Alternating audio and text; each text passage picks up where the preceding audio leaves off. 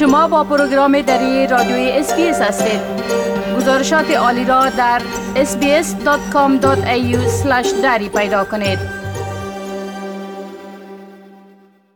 شوراهای شهری در سراسر استرالیا کارزار را برای توضیح وضعیت اسفناک پناهجویانی که منتظر رسیدگی و درخواستهایشان هستند راه اندازی کردند.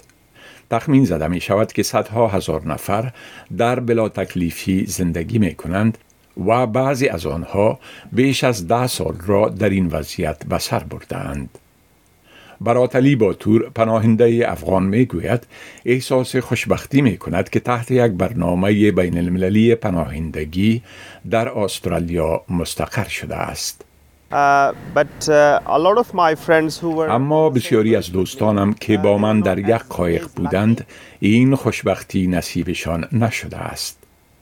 او می‌گوید که آنها تقریبا از ده سال به این سو صرف ویزه حفاظت موقت داشته و از دسترسی به کمک اولیه محروم بودند. این یک مدت بسیار طولانی و سخت برای بسیاری از این افراد بوده است و جای تعجب نیست که بسیاری از اعضای جامعه من در چند سال گذشته جانهایشان را با خودکشی از دست دادند.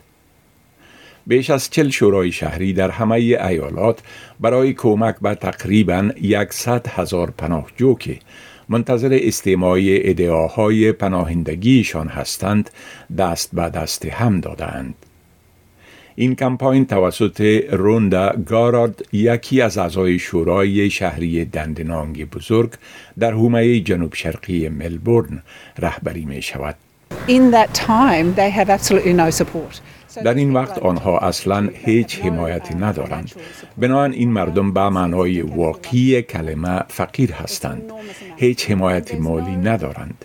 این یک دهه از زندگی آنهاست که دیگر بر گردد این مدت بسیار طولانی است و پایانی به این وضعیت آنها دیده نمی شود هیچ جدول زمانی برای اینکه چی وقت اسناد و مدارک آنها بررسی خواهد شد وجود ندارد. و این صرف ادامه زندگی در بلا تکلیفی است که بسیار رنجاور می باشد. خانم گارد با کمپاین تحت عنوان از همسایه خود حمایت کنید می خواهد بر این مسئله قبل از انتخابات فدرالی در سال جاری روشنی بیندازد. شوراهای محلی که به جامعه بسیار نزدیک هستند می دانند که این مشکل چقدر بزرگ است و درک می کنند که این مشکل بر صحت روانی این افراد که مستحق و سزاوار حمایت هستند چقدر تأثیر عمیق دارد. در حالی که شوراها حمایت بیشتر را برای پناهجویان می‌خواهند که در بلا تکلیفی قرار دارند حکومت ویکتوریا برنامه های فراهم کردن آموزش مهارت ها با سبسیدی دولتی را برای پناهجویان جویای کار گسترش داده است. عزیز عزیز نو سال پیش در اثر آزار و اذیت اقلیت قومی روهینجا در میانمار مجبور به فرار شد. او شش ماه را صرف تکمیل یک کورس مراقبت از بزرگسالان کرد و اکنون در یک مرکز بزرگسالان در حومه ملبورن کار می کند. این یک برنامه بسیار خوب است. اگر کار نداشته باشید زندگی کردن بسیار سخت است. اکنون که شغل دارم می توانم همه چیز را اداره کنم. آموزش و کاریابی برای پناهندگان و پناهجویان از طریق سازمان اسکان مهاجرین به نام ایمز استرالیا سازماندهی می شود.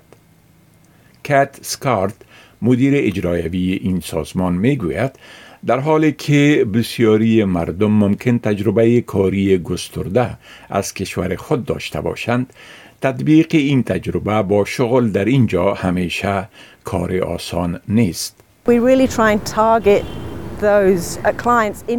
ما واقعا سعی می کنیم این اشخاص را در کورس های شامل کنیم که می دانیم با تکمیل کردن آنها چانسی خوب برای یافتن کار خواهند داشت.